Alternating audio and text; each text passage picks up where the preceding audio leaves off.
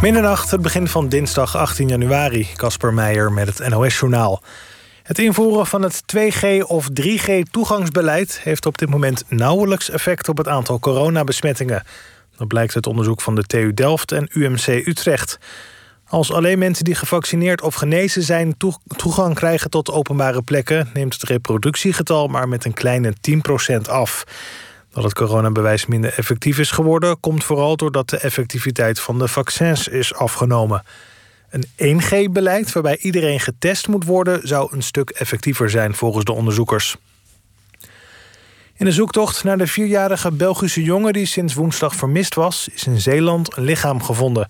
De politie gaat ervan uit dat het om de vermiste kleuter gaat. De jongen was vorige week voor het laatst gezien in het bijzijn van een 34-jarige Belg.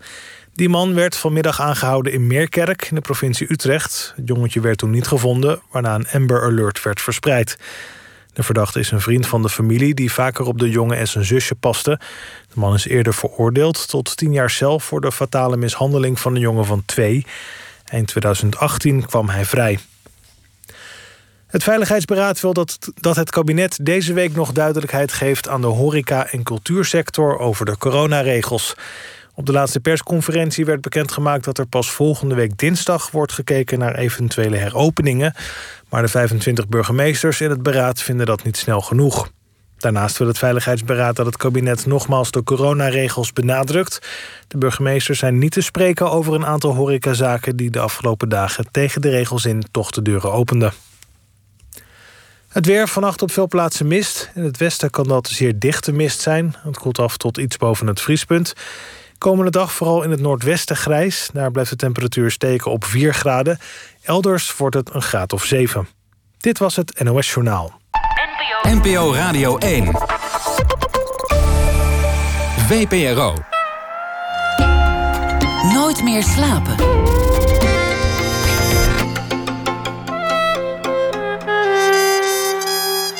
Met Pieter van der Wielen. Goedenacht en welkom bij Nooit meer slapen. Wat voor de een de hel is, is voor de ander een droom die uitkomt. Zo heb je er die klagen over blauwe maandag, maar voor mijn gastkomentuur kan het niet koud genoeg zijn. Zon onder om half twee, knus, sneeuw en ijs, mooi, ijzige vorst en wind, lekker, min 20, hoera. Dus toen er een advertentie stond... wie wil er een paar maanden op een verlaten eiland in het Poolgebied wonen... reageerde hij subiet. Eerwan Droog is hier, hij zit tegenover mij. Hij woonde met zijn vriendin en met zijn hond... een half jaar op een eiland met zo'n 30 inwoners. Grootte nog geen tiende van Vlieland in de oppervlakte... en het is vlakbij de Poolcirkel. En ook al is er daar weinig te beleven... hij heeft er veel gevonden. Hij heeft er ook een boek geschreven... Het Huis aan het Einde, zijn eerste boek... Leven op een eiland in de Poolcirkel. Eerwan Droog, geboren in 1984, is in het dagelijks leven redacteur en vertaler. En dit, maar dat zei ik al, is zijn eerste eigen boek. Welkom, leuk dat je er bent. Dankjewel. Is Blue Monday voor jou dan ook een soort feestdag eigenlijk? Is het een, een oh, leuke dag? Dat je denkt, hè, lekker duister. Nee, mm, nee. Het is koud. Nee, ik had. Viel ook allemaal mee vandaag trouwens. Ja, ik kwam er ook eigenlijk pas achter dat het Blue Monday was toen ik uh, vanmiddag mijn, mijn, mijn, social media zat te checken en het voorbij zag komen. Toch nog iemand die iets te zeuren had? Ik, ik, was daar, ik was daar helemaal niet mee bezig. Het, is, uh, het zijn hele leuke dagen voor mij, dat wel. Met, uh, met het boek en ja, maar nee. maar, maar je bent een, een echte winterliefhebber. Jij, jij leeft op bij kou en duister. Ja, min 20 gaat me ook wel ver hoor. Dan, dan zit ik eigenlijk ook gewoon liever, uh, liever bij de kachel onder een dekje met, uh, met een goed boek. Um, maar ja, als ik moet kiezen tussen uh, te warm of te koud. Um, ja, tegen te koud kan je gewoon kleden. En tegen te warm, ja, dan zit ik echt helemaal niks te doen en te wachten tot het voorbij is. Ja. Ja, dan moet je kiezen tussen twee kwaden. Te koud of te warm. Ja, nou oké, ook als het niet kwaden zijn, maar gewoon een beetje koud of een beetje warm. Nou ja, dan zou ik toch eigenlijk nog wel in het midden uitkomen. Dus het is, het is allemaal niet zo extreem. Um, maar ja, qua fascinatie voor kou en, en poolgebied en sneeuw en ijs. Um, dat, dat vind ik wel bijzonder. Um, daar geniet ik ook in Nederland van.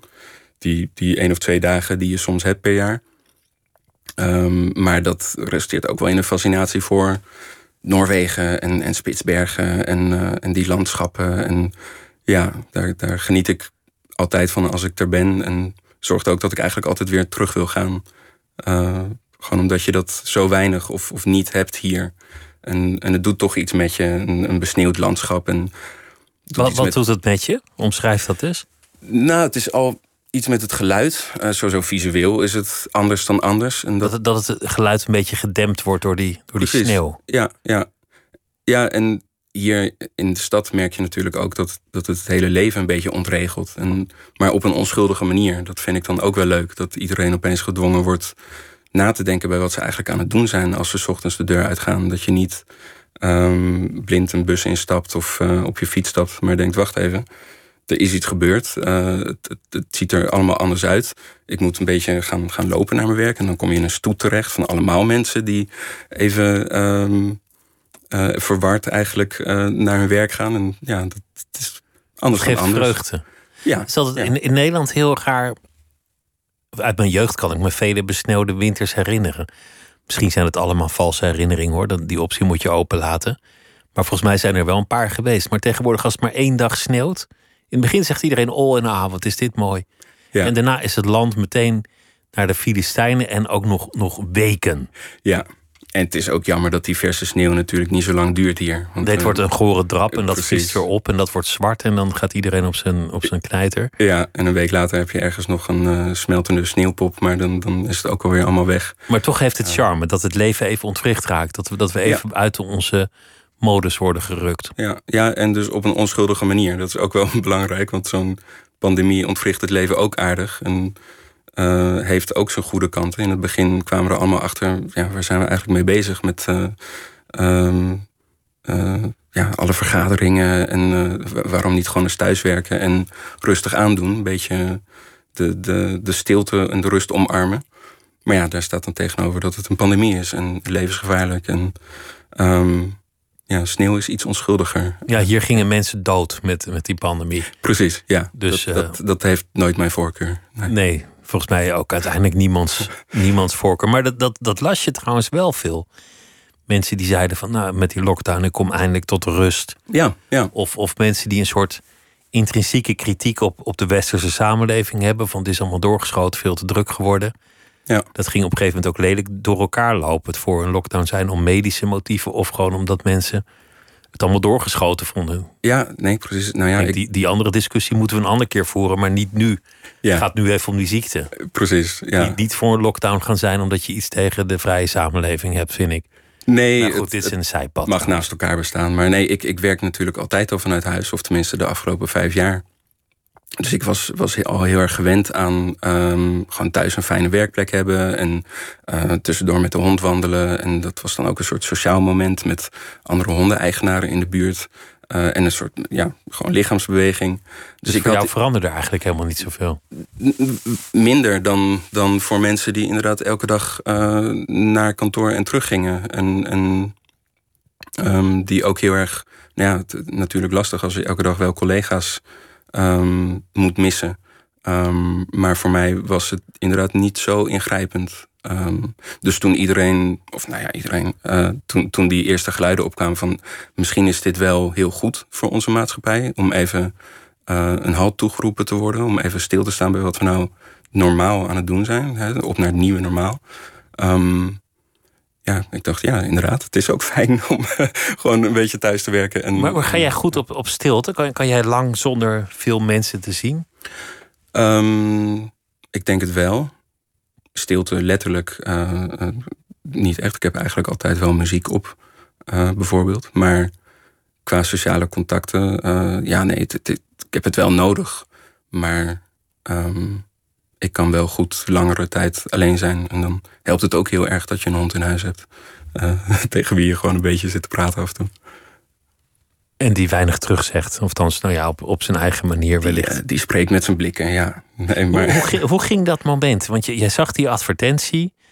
Gezocht iemand die voor wat langere tijd wil wonen op een eiland in de Poolcirkel in een, in een verlaten omgeving. Waar, waar zag je die advertentie? Nou, ik zag hem niet zelf. Ik ben uh, uiteindelijk naar het eiland gegaan met Kim. En die vond hem in de zomer van 2020. En dat was toevallig een hete zomer. Dus, maar Kim was, was jouw geliefde. Jullie waren eigenlijk heel kort nog maar bij elkaar. Ja, vanaf het begin van de lockdown ongeveer. Dus dat is Ehm, maart 20 en, en we hebben het nu met die advertentie over. Eh, ja, juli, zoiets. D- dat, Eh, is, dat is relatief kort. Ja, dat was inderdaad kort. Ja. Ja. maar zeker, om, zeker om samen dan meteen naar Poolgebied te gaan. Dat, zo- zo'n avontuur te ondernemen, ja, absoluut. Ehm, maar al die tijd hebben we eigenlijk door de lockdown ook in één woonkamer doorgebracht. Ehm, dus we wisten dat we het goed met elkaar konden vinden in één ruimte voor langere tijd. Dus dat, zeg maar, dat we dan samen eh, zouden wonen op zo'n eiland, dat was helemaal niet zo'n ding. Daar hadden we. ehm, ja, dat voelde heel goed voor ons allebei. En daar hebben we het natuurlijk over gehad. Van ja, als er iets misgaat, dan kunnen we ook zo weer naar huis. Dus laat dat geen, geen drempel zijn.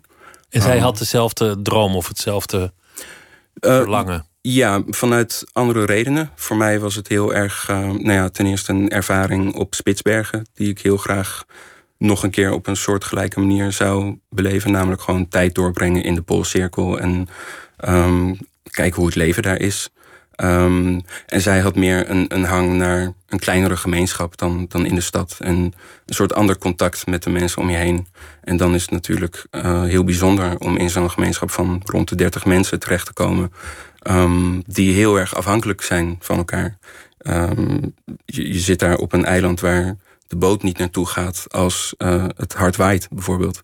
Dus dan zit je echt opgesloten. En dat kan dagen duren. En als de elektriciteit uitvalt, dan ja, ehm, ben je toch ook echt afhankelijk van elkaar voor communicatie. En En dat gebeurt ook, dat de elektriciteit af- uitvalt af en toe. ja, het jaar voordat wij erheen gingen, dat was een beetje het horrorverhaal dat we steeds hoorden. Toen zaten ze vier dagen zonder stroom daar.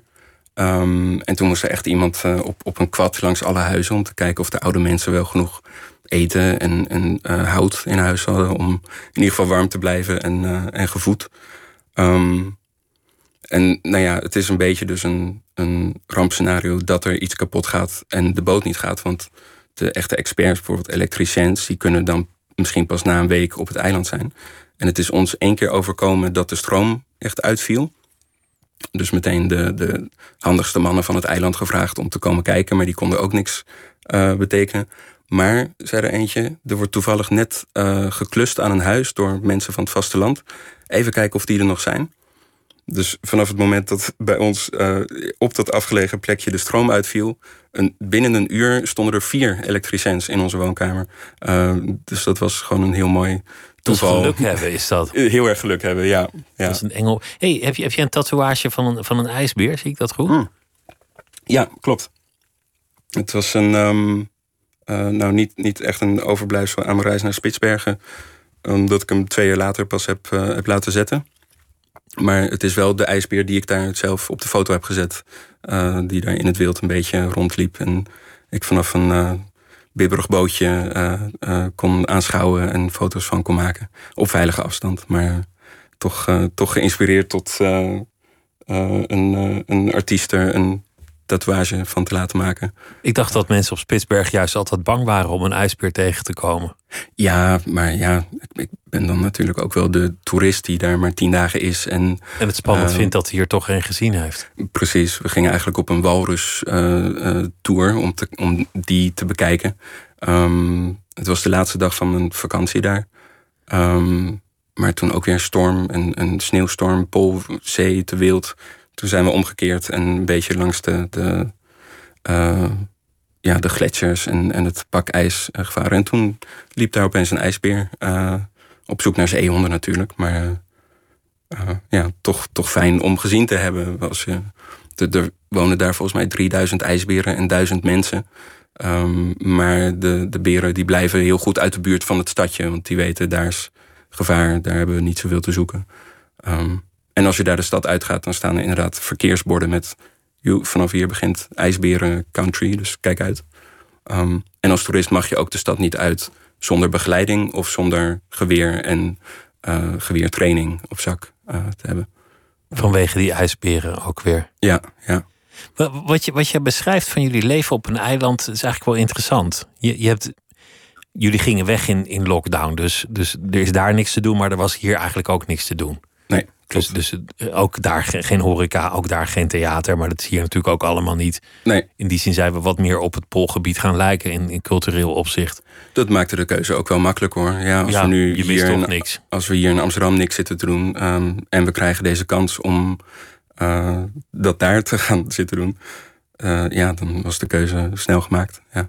Maar wat er in het boek gebeurt, is dat je eigenlijk heel weinig meemaakt en tegelijk heel veel meemaakt. Dat je, dat je op een andere manier gaat kijken naar het leven om je heen, meer in detail, met, met meer oog voor finesses. Dat ook contacten met mensen, die, die worden eigenlijk zorgvuldiger in, in bepaalde opzichten, gedetailleerder. Je bent op die mensen aangewezen. Ja. Ze zijn heel gastvrij, want ja, de, de kans dat een inbreker daartussen zit is ook niet zo gek groot. En je, je zou wel weten wie het is. Dus de deuren staan voor elkaar open. Ja. Maar een dag kan het weinig bestaan, maar wordt daardoor niet minder intens. Dus de beleving van tijd wordt anders op de, op de een of andere manier. Ja, ja, dat voelde ik ook heel erg zo, inderdaad. Dat, uh, dat ik opeens zeeën van tijd had, maar dat ik me ook niet ging vervelen als ik niet iets om handen had. Ehm, en dat is misschien aan de ene kant de, nieuwigheid van de omgeving. Als ik uit mijn raam keek of buiten uh, rondliep, dan, dan was het adembenemend. Elk, elk moment. De, de zee en de, uh, de luchten en, en de zonsop- en onder, uh, opkomst, ondergang. Um, de, de, de bergen van de Noorse kust in de verte met een gletsjer erboven. dat, dat was echt allemaal zo mooi dat dat al je dag kon vullen, bij wijze van spreken. Dat gewoon laten bezinken. En gewoon kijken naar de zee, kijken naar het landschap kon eigenlijk al genoeg zijn. Ja, maar er kwamen natuurlijk ook dingen tussendoor. Als je daar iemand op straat tegenkwam, ja, dat gebeurt niet heel veel. Dus dan blijf je even staan en dan uh, vraag je oprecht wat, wat iemand uh, gaat doen, heeft gedaan. Um, en voor je het weet zit je die avond een potje met ze te kaarten of te eten. Um, het, het, het, leven leidt zichzelf bijna een beetje, of, of het leven leidt jou. Uh, je, je doet wat er moet gebeuren. En soms neemt dat een hele dag in beslag en soms een uurtje. Um, maar ja, die, die tijd verglijdt toch wel. Uh, en, op een of andere manier op een heel aangename, kalme manier. Wat me ook ontzettend beviel, die, die rust. En uh, ja, niet op klokken kijken, geen afspraken hebben. Um, en dus inderdaad geen deurbellen, geen sloten op deuren. dus af en toe iemand die in je keuken stond van hoi, ik ben er. En dan zat je twee uur koffie te drinken. En andersom ook van oh, we lopen langs Heidi of Björn. Dan lopen we daar naar binnen. En ah, kom binnen, ga zitten. Ik heb net dit of dat gemaakt. En dan zit je daar opeens. Um, het, het is veel hechter. Dus wat dat betreft. Uh, ja, ja, dat was heel fijn. Je zou verwachten dat een afgelegen gemeenschap met weinig mensen die elkaar al heel lang kennen, niet heel ontvankelijk is om mensen welkom te heten. Dat, dat Heidi en, en Björn en Knut dachten van nou die nieuwkomers die moet ik niet. Ja, ja. Het verschil is natuurlijk, uh, ik kan me voorstellen dat er kleine gemeenschappen zijn die, um, die wat meer uh, reserves hebben bij nieuwkomers. Dat, dat, las ik bijvoorbeeld in Ik ben een eiland van Tamsin Kalidas. Die, die in een heel vijandige situatie terechtkomt eigenlijk. Omdat die mensen helemaal niet zitten te wachten op mensen uit de stad die daar schapenboer komen spelen. Dat was in Schotland toch? Klopt, ja. ja. Um, maar in ons geval zijn wij natuurlijk op uitnodiging gekomen. Uh, want de situatie is een beetje bijzonder daar. Het, het eiland, nou ja, je, introduceerde het met zo'n 30 mensen. Ze weten zelf niet helemaal hoeveel mensen er wonen, volgens mij. Um, zij zijn afhankelijk van de officiële bewonersaantallen om dienstregelingen van de veerponten uh, uh, op af te stemmen. En hoe vaker post wordt bezorgd vanaf het vasteland. Um, dus zij willen zoveel mogelijk mensen die zich hebben ingeschreven op dat eiland. Dus 30 zou wel eens geflatteerd kunnen zijn? Nou, 50 is aan de hoge kant. Dat, dat staat ook volgens mij op de Wikipedia-pagina. Maar in diezelfde alinea staat ook 30. Uh, dus het, de waarheid ligt ergens in het midden natuurlijk. In de winter leek het alsof er maar 15 mensen waren. Maar ja, dan zit iedereen ook binnen. Dus dan kom je niet veel mensen tegen. En in de zomer eh, waren er echt op een gegeven moment 50 mensen op dezelfde plek. Um, dus dan, uh, dan weet je dat ze wel bestaan. Maar dat is ook veel um, familie en, en dagjesmensen of uh, de, de zoons en dochters van de oudere mensen die er nu wonen, die dan een weekje op vakantie komen, die nog wel een band hebben met het eiland, maar toch wel naar de stad zijn vertrokken voor studie, voor werk en daar zijn blijven wonen. Um, en dat is precies het probleem, dat er geen jonge mensen meer wonen eigenlijk. Dus de, de bevolking wordt ouder, um, overlijdt. Uh, maar ja, er is ook geen echte reden voor jongere mensen om naar het eiland toe te gaan. Want het, leeft van de visserij, maar die industrie die krimpt daar. Ehm, er zijn geen banen. Dus dan proberen ze het op deze manier. Um, we plaatsen een oproepje. We benadrukken wat een bijzondere plek dit is. En stellen ons open voor nieuwkomers. Omdat ze misschien wel de redding zijn. Of, of bij kunnen dragen aan de redding. Uh, dus, dus dat was de hoop dat jullie in jullie verblijf zo verliefd zouden worden op het eiland. Dat jullie daar zouden blijven. En daar nou. een, een, handel zouden beginnen. nooit zo uitgesproken. Het was echt onder het mom van proefwonen. Um, wij gingen er bijvoorbeeld heen met um, de mogelijkheid in nou ja, dat, dat huis te verblijven. Maar we zouden niet permanent in het huis kunnen wonen, want dat is gewoon van iemand. Um, dat, die, die mensen die wonen in Oslo en die zijn er meestal een maand per jaar ongeveer. En verder gebruiken ze het voor familie, vrienden, iedereen die er een tijdje wil wonen. En die waren zo gul om het aan ons uh, beschikbaar te stellen. Maar er is wel veel leegstand. Um, dus als wij wel zouden denken van nou, in de toekomst willen we hier een huis kopen dan zijn we van harte welkom. Um, maar wat zou je daar moeten? Ja. Je, je kunt denk ik heel moeilijk een, een bed and breakfast daar beginnen. Of nou ja. Het, het kan, ja. Dan, dan komt er alleen bij dat je ook moet zorgen dat het een beetje bekendheid krijgt. Um, en we hadden uh, Nederlandse buren, uh, Marlieke en Thijs, die zijn daar in dezelfde tijd als wij naartoe gegaan. Um, die hebben zich op de leegstaande, ongebruikte boerderij gestort. Uh, er is één boerderij op het eiland. Daar werd al jaren niks meer mee gedaan. De oude boer die, die loopt moeilijk en die kon nu ook zijn tractor niet meer besturen. Dus die heeft dat. Um, ja, die heeft eigenlijk gedacht van ik wil heel graag dat er iets met dit land gebeurt. Um, dus als jullie hier willen komen en het land bewerken, dan heb ik een huis voor jullie, min of meer. Um, en dat, dat zijn ze komen doen. En die hebben nu de eerste aardappeloogst binnen. En uh, die maken een lange termijnplan om ja, dan, dan maar zelf je werk te maken. Um, dus het kan wel. Het, het is interessant omdat je eigenlijk iets vertelt dat over heel veel gebieden zou kunnen gaan. En, en niet eens alleen in Europa, maar ook in, in Noord-Amerika en ongetwijfeld op heel veel andere plekken in de wereld. Ja. Krimpgebieden. Ja, ja het, het, lijkt wel alsof er wereldwijd een soort ontwikkeling gaande is. waarbij alle economische energie naar de stad wordt gezogen op dit moment. Ja. En een tal van andere plekken die mooi, interessant en rijk aan traditie zijn, gewoon worden leeggetrokken. Er is geen reden meer om er naartoe te gaan. Nee, klopt. Maar wel om er vandaan te gaan. En nou ja, tegelijkertijd voedt dat ook voedt de drukte van de stad uh, ook een soort verlangen naar juist weer die rust opzoeken. Dat, dat merk ik nu in ieder geval ook tijdens um, uh, of, of na zo'n twee jaar eigenlijk niet gebruik kunnen, te kunnen maken van alle voordelen die een stad heeft. Um, namelijk, je, je kan overal naartoe en alles doen wat je wil. Uh, maar ja, als alles dicht is, dan ben je toch weer even op jezelf aangewezen. En dan ga ik het opeens wel missen dat ik niet een eigen stukje land heb of een tuin of. Uh, um, Want dan zit je drie hoog achter in, in Amsterdam en er is eigenlijk niks te doen. Dus waarom zit je daar dan nog? Nou, een beetje gechargeerd, maar inderdaad. Um, ja, als tegenbeweging van dat alles en iedereen naar de stad trekt, zijn er denk ik ook genoeg mensen die uh, de andere kant op willen. Die, die juist dan um, die, die kleine dorpjes die aan het leeglopen zijn, uh, weer nieuw leven in kunnen blazen. En uh, dat als het nieuwe avontuur zien, in plaats van de stad te, te, te omarmen, juist meer daar vanaf van, ja, van weg te trekken.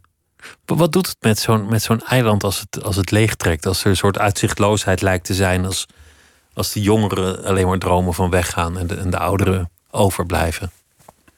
Ja, dat verschilt per persoon, denk ik. Ik heb natuurlijk al die, nou laten we zeggen, 30 mensen um, gesproken en, en uh, ook, ook bevriend meegeraakt.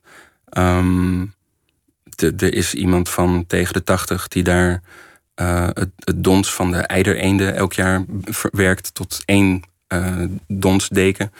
Um, en tegen de tijd dat ze daarmee klaar is, dan komen de eenden in het voorjaar alweer. En dan is een ontzettend uh, priegelig werkje. en zij in haar eentje is eigenlijk die hele industrie op het eiland. Dat, dat gaat dus uitsterven, want daar, er is niemand die in haar voetsporen gaat treden. Ik weet ook niet of dat, dat rendabel wordt. Een, nou, dekbed. Die dingen gaan voor, uh, voor tienduizenden euro's uh, Echt waar? per stuk worden die verkocht. Zij houdt de prijs heel laag uit een soort bescheidenheid. Maar ja, ik heb natuurlijk even zitten googlen naar eiderdonsdeken. ja, dat is belachelijk. Ja. Het is een heel bijzonder spul wat, wat warm is in de winter en koeler in de zomer. Een heel arbeidsintensief maakproces. En een heel vriendelijke manier van met de natuurlijke bronnen omgaan. Want de eenden die komen naar het eiland um, en daar staan dan nestkistjes voor ze klaar. Ze worden met rust gelaten, beschermd tegen otters en meeuwen.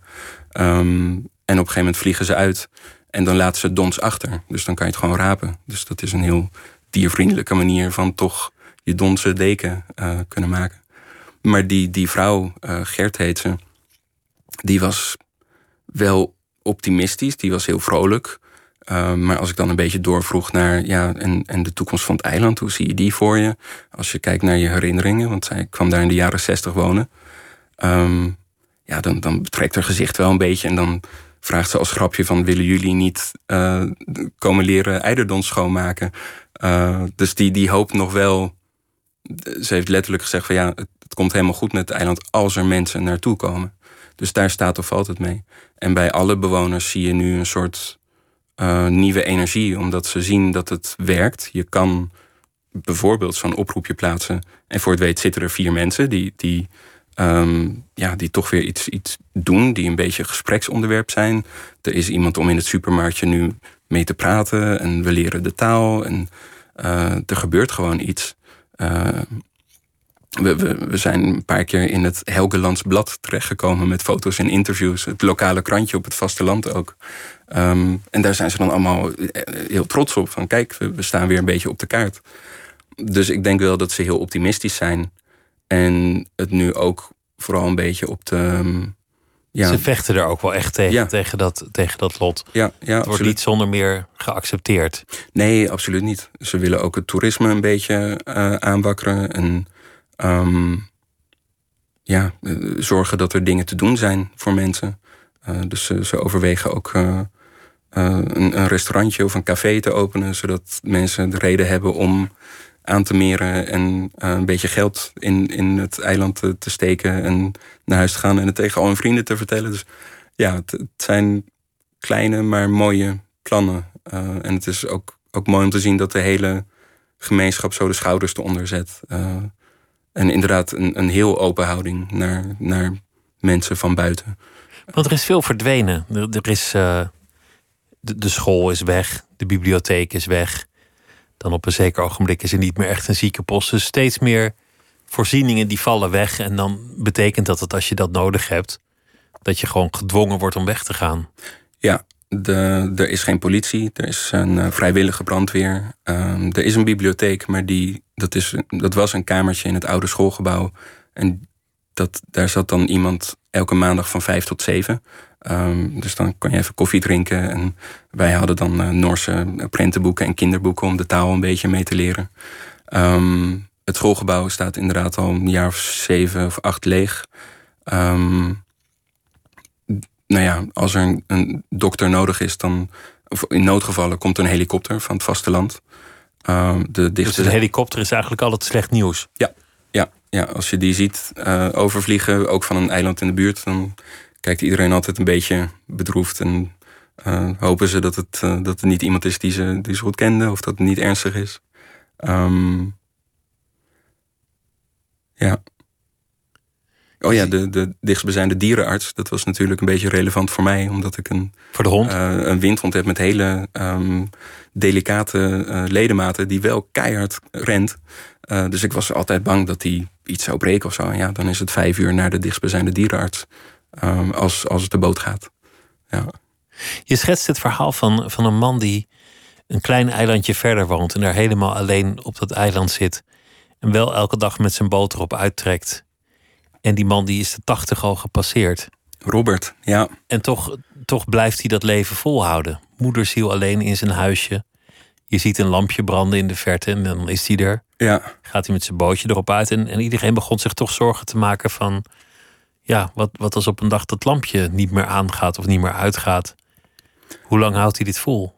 En op een dag gebeurt dat ook. Op een dag uh, belt iemand hem en neemt hij niet op. Um, en dan gaan ze eigenlijk uit van het slechtste nieuws. Um, het is niet gek dat er iemand uh, op zee vergaat. Dat, dat, iedereen heeft daar uh, familie of, of bekenden aan verloren door de generaties heen. Ehm, dus op een gegeven moment, ja, uh, ze zijn wel gaan zoeken toen die verdween. De, de vissers hebben dan allemaal massaal zijn, ze, zijn plekjes gaan, gaan checken. Maar zich er eigenlijk bij neergelegd van ja, die is verdwenen. Uh, en het was de laatste bewoner van Durvaar, zo heette dat eiland. Dus dat is vanaf nu onbewoond.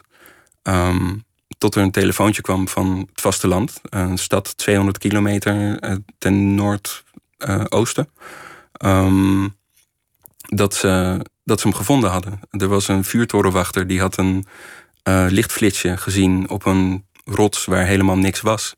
Dus die heeft toch maar even de kustwachter op afgestuurd. En die troffen daar Robert aan met, uh, met kapotte boot. Uh, hij had pech gekregen, hij was afgedreven, hij is gaan roeien. Um, door de stroming waarschijnlijk hier terechtgekomen. Uh, en helemaal uitgehongerd en, en uitgedroogd. Het eerste wat hij vroeg was een sigaret. Um, en toen dacht hij, nou prima, vlieg me maar weer naar huis. Ik wil weer naar mijn eiland. Maar ze hebben hem voor de zekerheid toch even in de helikopter gezet... en naar het ziekenhuis in Boede, de stad, gevlogen. Waar hij even moest aansterken in, uh, in zijn kamertje. Um, met een verpleegster uh, die verliefd op hem werd. En hij op haar. En zij wilde natuurlijk... Uh, ja, die was niet van plan om met een 80-jarige naar een onbewoond eiland te gaan. Dus toen is hij na 80 jaar naar de stad verhuisd. Daar heeft hij nog een tijdje met haar gewoond, ja. Het is toch een mooi verhaal dat het leven nog een wending kan nemen op hoge leeftijd. Ja, ja. Um, nooit verwachten dat het allemaal al gebeurd is. Wel nee. tragisch voor het eiland dat daarna onbewoond was. Ja. Echt ja. onbewoond. Ja, er staan, uh, er staan nog huizen. Um, je, je kan er naartoe in je bootje. Dan meer je aan. Dan loop je echt tussen de, de afgebladderde uh, verfhuizen en dorre bosjes die er nog omheen staan. En um, af en toe een oud kapot bootje op zijn kant. Um, maar wat, wat wel weer heel mooi is, is dat je ziet dat de natuur het weer overneemt. Het, ik heb daar zulke adembenemende uitzichten gezien. Alleen al uh, de, de honden, ook de honden van de buren, die waren dolgelukkig aan het rondrennen en, en aan het verkennen. En nou, we hebben daar echt een half uur in stilte gestaan met z'n vijven. Waren we, um, en, en maar een beetje genieten van ja, dit, uitzichten die je nooit ergens anders ziet. Dat is, dat is echt uniek. Ja. Je, je, hebt ook foto's gemaakt en die, ja. die, die zijn werkelijk prachtig geworden. Ik kan ook moeilijk verwoorden het is, het wat er op die foto staat. Ja, nou ja één, één is heel spectaculair van het Noorderlicht. Dat is een, een soort fenomeen wat, uh, wat heel veel mensen tot, uh, tot de verbeelding spreekt. Ja. Mensen die... Uh, ja, ik ken ook mensen die dan een keer een vliegtuig nemen... en dan in de buurt van de Poolcirkel komen op weg naar New York of waar het ook... En dan denken dat ze het hebben gezien omdat er zo'n lampje op die vleugel zit. Oh ja. oh, volgens mij zie ik het Noorderlicht. Ja, ja. Nee, dat is niet het Noorderlicht, dat is het lampje van de vleugel. Ja, nou, ik heb ook wel eens getwijfeld hoor. Dat, je, dat het een beetje schemert. En dat je denkt, ja, is dat nou. Is het dit het licht? Of is het gewoon een wolk die een beetje verlicht wordt nog door de ondergaande zon? En is, dit, is dit nou groen of niet? Maar op, op die foto ja. die je hebt gemaakt is het, is het echt gigantisch. Onmiskenbaar. Ja. Onmiskenbaar. Ja. En je beschrijft dat jullie heel trouw als het Noordlicht zichtbaar is ondanks de temperaturen er s'nachts op uitgaan om, om er niks van te missen. Ja, en het, het mooie is natuurlijk, je hoeft alleen de voordeur uit te gaan. En je staat er middenin. Um, het is, we, we, hadden een, een, een app op een gegeven moment geïnstalleerd op, op aanraden van de eilandbewoners. De, de Aurora Forecast app. Um, en die geeft dan een melding van nou, als de, de lucht helder is, als het niet bewolkt is, dan heb je op jouw locatie het komende uur grote kans om het noorderlicht te zien. Met een, een cijfer, een index erbij. Soms was het dan heel sterk en dan dacht je, oh, dat wordt wat. Um, en ja, vaak genoeg was het natuurlijk wel bewolkt en was het, uh, was het niet goed zichtbaar. Maar er zijn, uh, er zijn genoeg momenten geweest waarop we echt buiten hebben staan staren. Ademloos, die, die eerste paar keren zeker. En er was één, één nacht dat het echt overal was. Uh, daar, daar komt die foto ook vandaan. Um, boven het huis bijna, bijna tastbaar, zo dichtbij. Maar ook gewoon overal in het uitzicht. Uh, dus je kon nergens naar de lucht kijken zonder die groene banen te zien die, die bewogen en dansten en veranderden. Ja, dat was, dat was een absurd moment eigenlijk. Heel fijn om, om beleefd te hebben, maar ik kan zelfs nu heel moeilijk oproepen wat ik nou precies aan het denken of doen of voelen was toen ik daarin stond. Um, en inderdaad, je kan ook met het vliegtuig naar de Poolcirkel en dan een weekendje er zijn omdat je het Noorderlicht wil zien. Maar het is zo onvoorspelbaar ook dat de kans heel groot is dat je het gewoon niet te zien krijgt. Dat dan. je voor niks gaat dan. Ja, ja. Maar, maar je hebt wat voor veel mensen de saaiste tijd van hun leven was ontdoken, namelijk al die lockdowns, om met een vrij verse liefde daar naartoe te gaan. Je hebt jezelf daarmee een enorm avontuur gegund, een onvergetelijke herinnering. Dus in die zin is het project zonder enige twijfel geslaagd. Oh, absoluut. Het, Want, want anders had je inwisselbare herinneringen en dit zijn niet inwisselbare herinneringen. Nee, het, het, het, het is helemaal geslaagd. Ja, het was uh, ongelooflijk mooi om, om daar een tijd te kunnen leven. En om zo onderdeel te kunnen worden van, van die gemeenschap. Um, en nu ook om nog steeds met die mensen contact te hebben. Um, en een boek. En, en het boek, dat, is, dat komt er nog bovenop. Het was wat, niet... wat deed het met jullie liefde? Om, om ineens daar samen op een vreemde plek te zijn.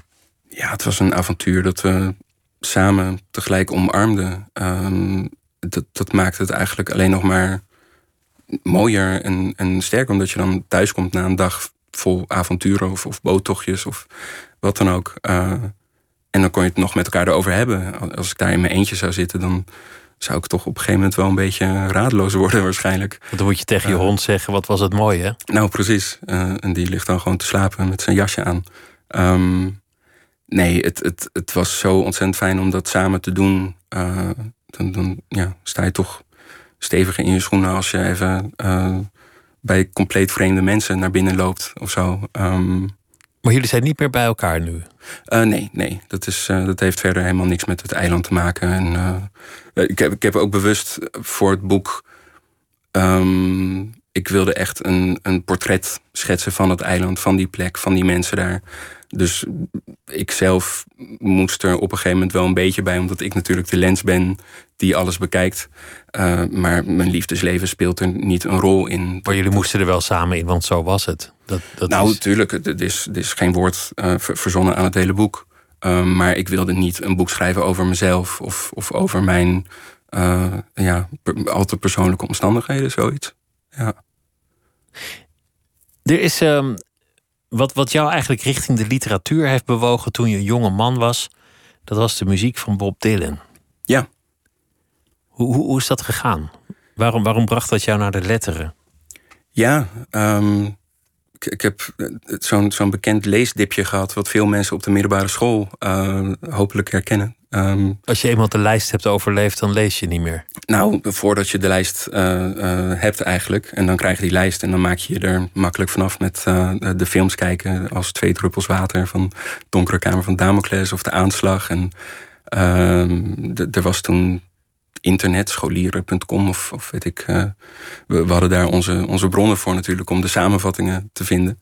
Dus ik heb me daar een beetje makkelijk van afgemaakt, omdat ja, ik ergens op de middelbare school ben gestopt met, met lezen voor mijn plezier.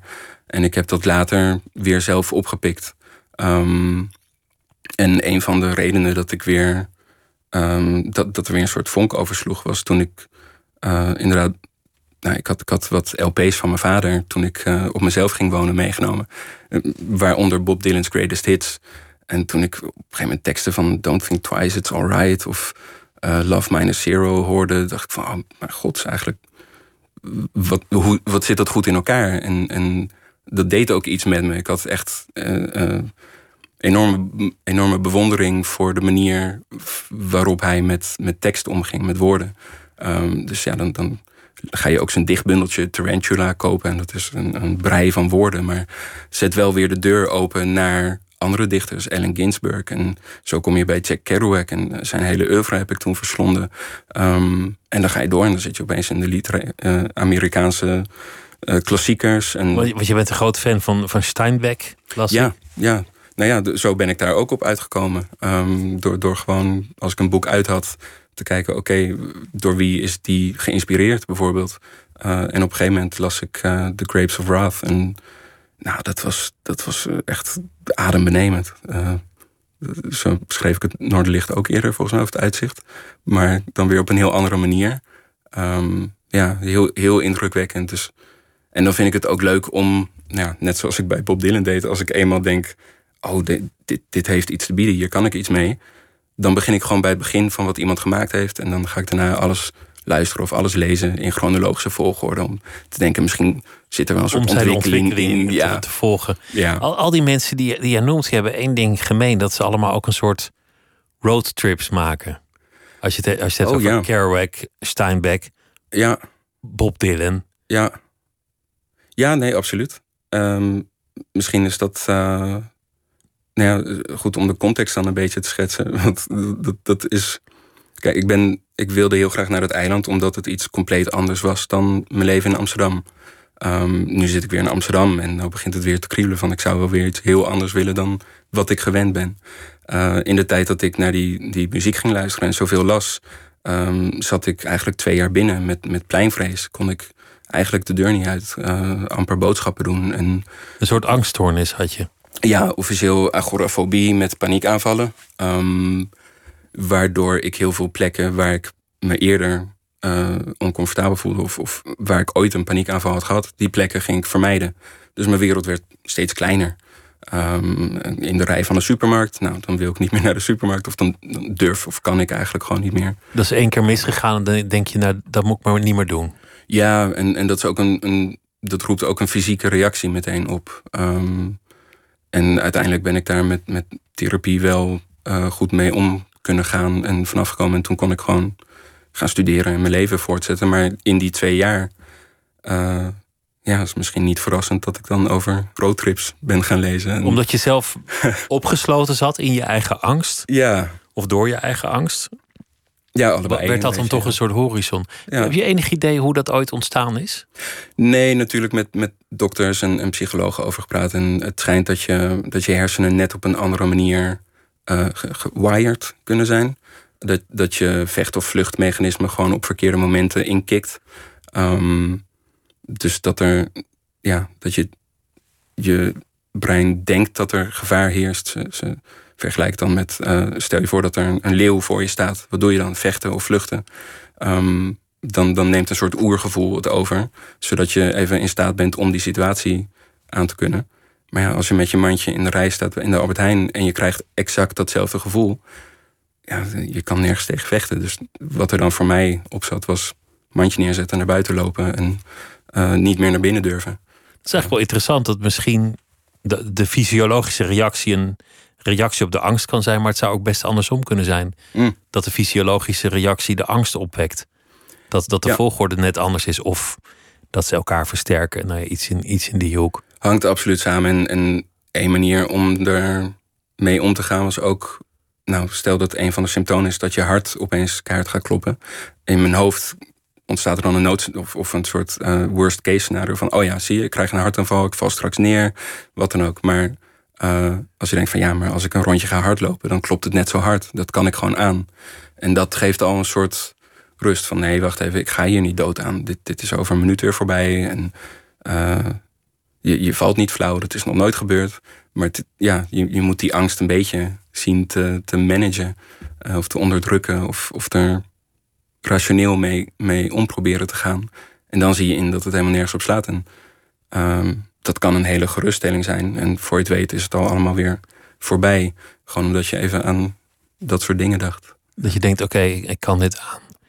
En intussen maakte je dan roadtrips via de literatuur en de muziek van Dylan. Dit, dit is echt zo'n roadtrip nummer, Highway 61 Revisited.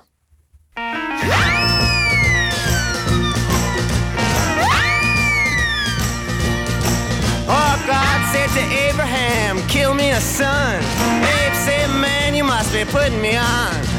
God said, no. Abe said, what?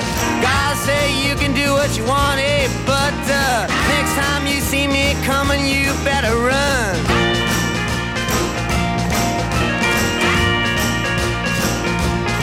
Well, Abe said, where you want this killing done? God said, on down Highway 61.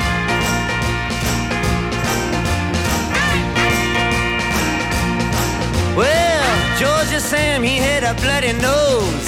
Welfare department, they wouldn't give him no clothes. They Howard, where can I go? Howard said, There's only one place I know. Sam said, Tell me quick, man, I got to run.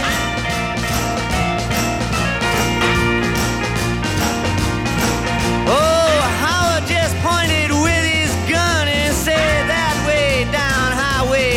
they want.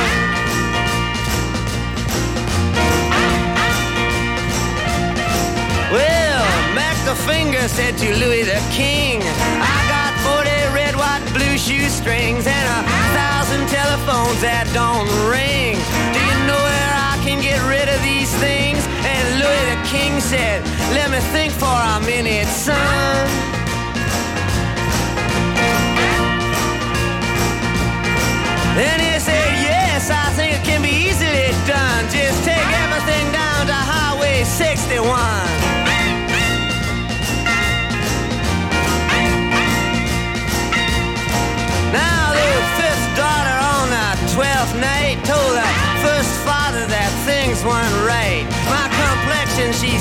Is much too white. He said, come here and step into the light. He says, mm, you're right. Let me tell the second mother this has been done.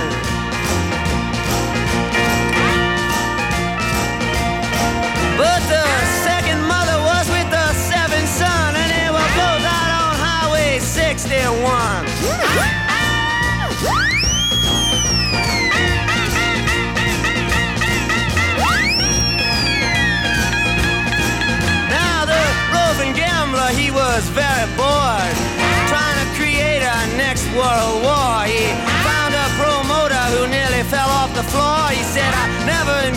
This kind of thing before, but yes, I think it can be very easily done.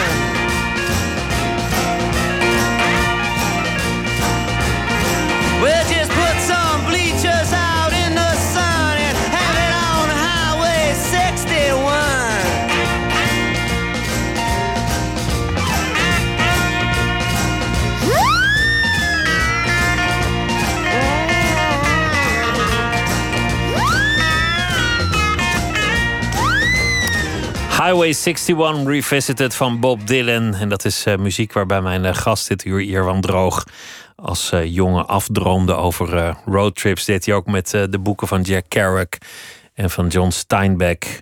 Want zelf was hij op dat moment niet echt reislustig. Hij had pleinvrees. Pleinvrees die hij met therapie heeft weten te overwinnen. En dat was meteen ook de manier om de letteren in te komen. De interesse voor de literatuur en het lezen was teruggekomen in die fase. Mede door de muziek van Bob Dylan. En als je niet eh, zelf kan reizen, dan kan je met de fantasie van een ander toch een heel eind komen. We hebben het gehad over zijn eigen eerste boek, Het Huis aan het Einde, Leven op een eiland in de Poolcirkel. Begon met een advertentie die niet jijzelf, maar eh, je vriendin had gezien, je toenmalige vriendin.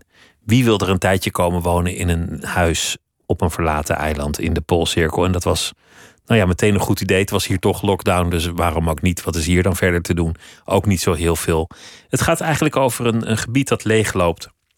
Een krimpgebied heet dat tegenwoordig. Maar dan een krimpgebied onder extremere omstandigheden. Als je iets nodig hebt, dan moet het komen met de boot. En die boot die komt maar één keer per week.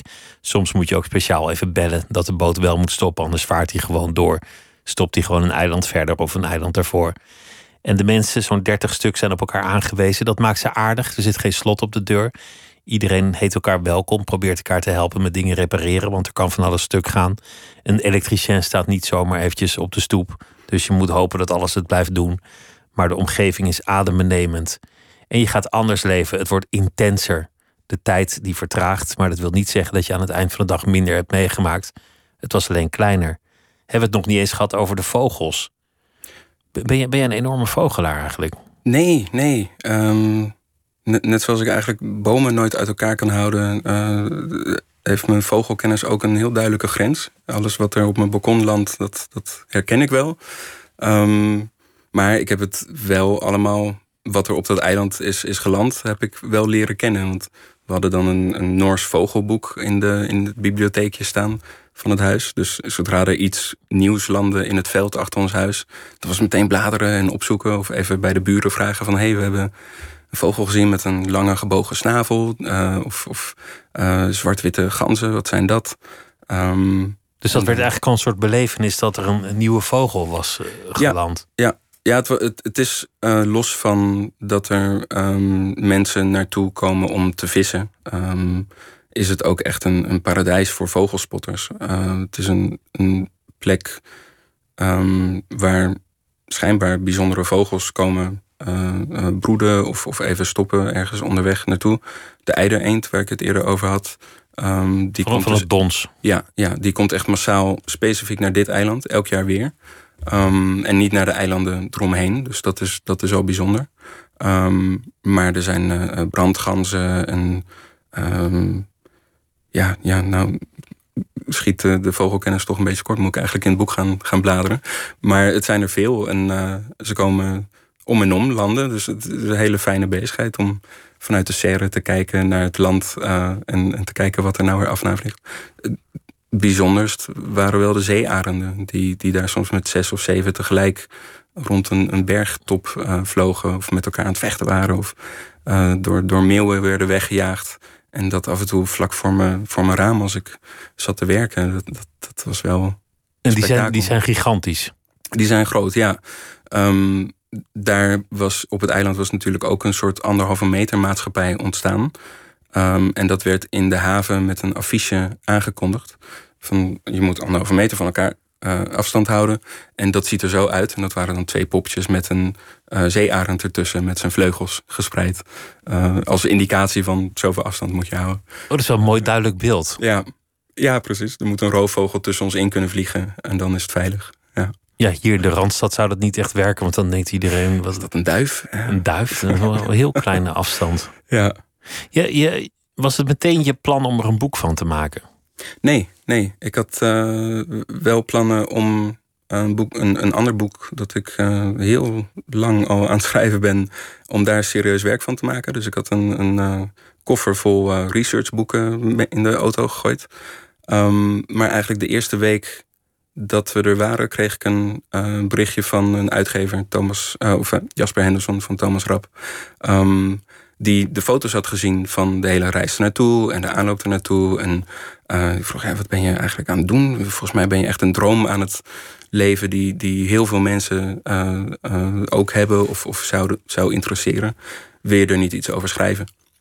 Dus toen moest ik even mijn, mijn plan bijstellen. Want over mezelf schrijven is iets heel anders dan de roman die ik, die ik voor ogen had. Ehm, dus ik ben het gaan proberen en ik heb met hem overlegd. En eigenlijk ehm, na even zoeken naar een vorm ging dat al meteen heel goed. En, en bleek het ook een heel fijne manier van toch wel reflecteren op het bestaan daar. eh, wat het voor mezelf betekende. Ehm, want ja, je ontkomt er niet aan. Het, is, het was altijd bedoeld als een tijdelijk avontuur. Maar je gaat je toch afvragen: is, is dit misschien een plek waar ik zou kunnen aarden uiteindelijk? Wil ik hier eh, terugkomen, misschien permanent? Want het, het feit dat ik er zo gelukkig was, dat, dat zegt wel iets. Eh, namelijk dat die omgeving me goed doet. Of misschien de kleine gemeenschap. Ehm, of of de, de nabijheid van natuur. Ehm, dus dat, dat zijn allemaal dingen die ik in dit boek ook... Nou, komen een beetje aan bod. Ehm, maar dat is ook vooral wat ik mee naar huis heb genomen... aan zaken om te laten bezinken. Want, Ehm, want hoe, hoe denk je daar nu over als je weer in je, je huis in Amsterdam zit? Het, het is heerlijk in mijn huis in Amsterdam. Ik hoef daar niet uh, stil op sprong te, vertrekken. Maar uh, ja, ik ben ook gewoon aan het werk om mijn huur te kunnen betalen. Uh, en op een gegeven moment zou je dat toch willen doorbreken. En, ja, een, een klein huisje in Noorwegen is nog steeds echt een droom. Hoe haalbaar of realistisch dat is, dat weet ik niet. Maar het is wel zo dat ze daar natuurlijk heel veel ruimte hebben en heel weinig mensen. Dus je, je vindt daar ook uh, veel eerder betaalbare uh, plekken met, met een stukje land bijvoorbeeld. Het zal, het zal makkelijker zijn dan Amsterdam qua woning. Absoluut, sowieso heel Nederland, ja. ja. ja. Um, dus er zijn allerlei mogelijkheden. Maar voorlopig heb ik wel Amsterdam weer even omarmd als het nieuwe avontuur. Want op een gegeven moment ga je toch... Nou ja, wat, al die mogelijkheden die de stad biedt... of überhaupt het vasteland biedt. Ik kan in de auto stappen en in twee uur de, de Duitse grens overrijden. En, uh, ja, op dat eiland kan je binnen twee uur uh, een, vier rondjes om het eiland hebben gelopen. Uh, niet dat dat beklemmend was, maar het is heel, wel heel fijn dat hier um, gewoon qua, qua ja, de mogelijkheden zijn, zijn iets oneindiger qua mobiliteit en, en logistiek. En dat bevalt me toch wel, die, die vrijheid om te kunnen gaan en staan waar ik wil. Um, en niet dat, uh, dat je inderdaad de boot een dag van tevoren moet bellen als je met je auto naar het vasteland zou willen de volgende dag. Ehm, dat, dat zijn allemaal kleine, nou, kleine het zijn praktische Ja, dat- bezwaren. Dat is Ehm, begrijpelijk. Maar je, je, werkt, je werkt hard, want je, je, je hebt dit boek geschreven, maar je bent ook nog eh, corrector van, van, van heel veel boeken voor uitgeverijen. Je doet vormgeving van boeken. Ja, Auteursfoto's maak je. Je vertaalt. Je hebt, Ja. je hebt onder meer eh, de autobiografie van Sinead O'Connor vertaald. ja. Ik geloof nog, nog, een, nog een aantal. eh, Ja, dit jaar ook Projecten. nog eh, Stilte is mijn moedertaal van Suleiman Adonia. Wat dan in een eh, Afrikaans vluchtelingenkamp speelt. En dat zat ik te vertalen in de Poolcirkel. Dus dat was ook een bijzondere ervaring. maar een heel mooi boek. Ehm, en, eh en Sinead inderdaad heb ik, ik... Ik had ook heel veel zin om weer me in, in het boekenwereldje te storten... toen ik terug naar Amsterdam kwam. Om weer lekker aan het werk te gaan. En ehm, eh, werken als corrector of redacteur is ook een heel fijne manier van een beetje bijhouden wat er allemaal verschijnt aan boeken. Eh, de laatste jaren is dat heel veel non-fictie over de toekomst en met corona omgaan. En dus het is leuk om daar ook een soort beweging in te zien. Ehm, maar toen kreeg ik eh, van uitgeverij Het Moed eh, de vraag of ik die biografie of autobiografie van Sinead O'Connor wilde vertalen. En ben ik meteen bovenop gesprongen, want dat, vond ik fantastisch. En heb ik met heel veel plezier gedaan. Eh, en ik had nog niet het einde gelezen toen ik ehm, bij het einde aankwam van vertalen. Dus dat laatste hoofdstuk, toen ik dat las, toen zat ik al heel erg een lange tijd in haar hoofd. En had ik ontzettend veel sympathie voor, voor haar als mens en de keuzes die ze heeft gemaakt. En heel veel bewondering en, en al die muziek natuurlijk geluisterd. Ehm, en dan, ja, ik ga, ik ga een beetje een spoiler geven wel. Dus ehm, als je het nog wil gaan lezen, dan nu even niet luisteren. Maar aan het einde doet ze nog even tussen neus en lippen de. ehm, eh, ja, zegt ze, oh ja, en ik heb ook eh, pleinvrees, maar dat durf ik eigenlijk aan niemand te zeggen. Ik weet niet waarom. Ik denk dat ze denken dat ik eh, gek ben, maar het is ontzettend vervelend en, en beperkt me zo ontzettend. Nou, toen kon je me echt opvegen. Dacht Toch, van, oh god, gaat, gaat ook over mij. Wat dat is herken dit? ik, ja. ja, Wauw. Ja. En, en ook nog eens bovenop eh, de jeugdtrauma's die ze heeft meegemaakt. eh, het, het uitgespuugd worden door de hele muzieksector. En ehm, de, de, halve wereld was, keerde zich op een gegeven moment tegen haar. Ehm, dus die heeft, eh, heeft genoeg om, om tegen te vechten. En dan dit er nog bovenop. Dat, dat, ja. Een interessant project. Ja. Dat, dat zou je in theorie trouwens voor een deel wel op afstand kunnen doen. Vertalen. Ja, Ja, absoluut. In, internet was niet echt geweldig op het eiland, hè? Nee, er was geen wifi. Ehm, dus we, we konden ook niet Netflixen, maar dat was eigenlijk wel gezond. We hadden wel een harde schijf met allemaal series meegenomen stiekem. Ehm, maar eh, we moesten het doen met de telefoonabonnementen van, van internet. En dan zit je aan een ja, bepaald aantal gigabyte per maand. En af en toe bijkopen, want ik ben voor vormgeving grote bestanden heen en weer aan het mailen. Maar ja, wat ook de, de beslissing makkelijk maakte om daar naartoe te vertrekken, was dat ik overal kan werken als ik mijn laptop maar bij me heb. Ehm, dus er was eigenlijk niets wat, ik, eh, wat, wat het avontuur in de weg stond. Ga je nu alsnog die roman ook schrijven trouwens? Of, eh, Ja, ja. ehm, ik hoop het. het, is eh, een hele klus. Ehm, ik denk, ik zou er een paar jaar mee bezig zijn. Maar ik ben begonnen en ik, ik heb er zin in. Dus, ja. En ik weet nu dat, dat eh, ik in ieder geval een uitgever kan benaderen die interesse zou hebben. Eh, want ik heb nu een uitgever. Dus ja, dat maakt het. eh, dat is een goede motivatie ook. nou, er is, Om gewoon fulltime aan het werk te gaan ermee. Ja. er is een mooi boek uitgekomen, dus er zal nog wel een keer een mooi boek uitkomen. Ik hoop het. Ja. Het was een, een groot genoegen om, om naar je te luisteren. En het boek heet Het Huis aan het Einde. Leven op een eiland in de Poolcirkel. Eerwan Droog, dank je wel. Dank voor het eh, langskomen en veel succes met alles wat er, eh, wat er gaat gebeuren. En dit was Nooit meer slapen voor deze nacht. Morgen dan komt Shula Tas eh, op bezoek. Die heeft een boek geschreven waar gezongen wordt. Het gaat over een vrouw die na haar afstuderen aan het conservatorium nooit meer besluit te gaan zingen. En zometeen Misha in gesprek met Hubert Bruls, de burgemeester van Nijmegen. Voor nu een hele goede nacht en graag weer tot morgen.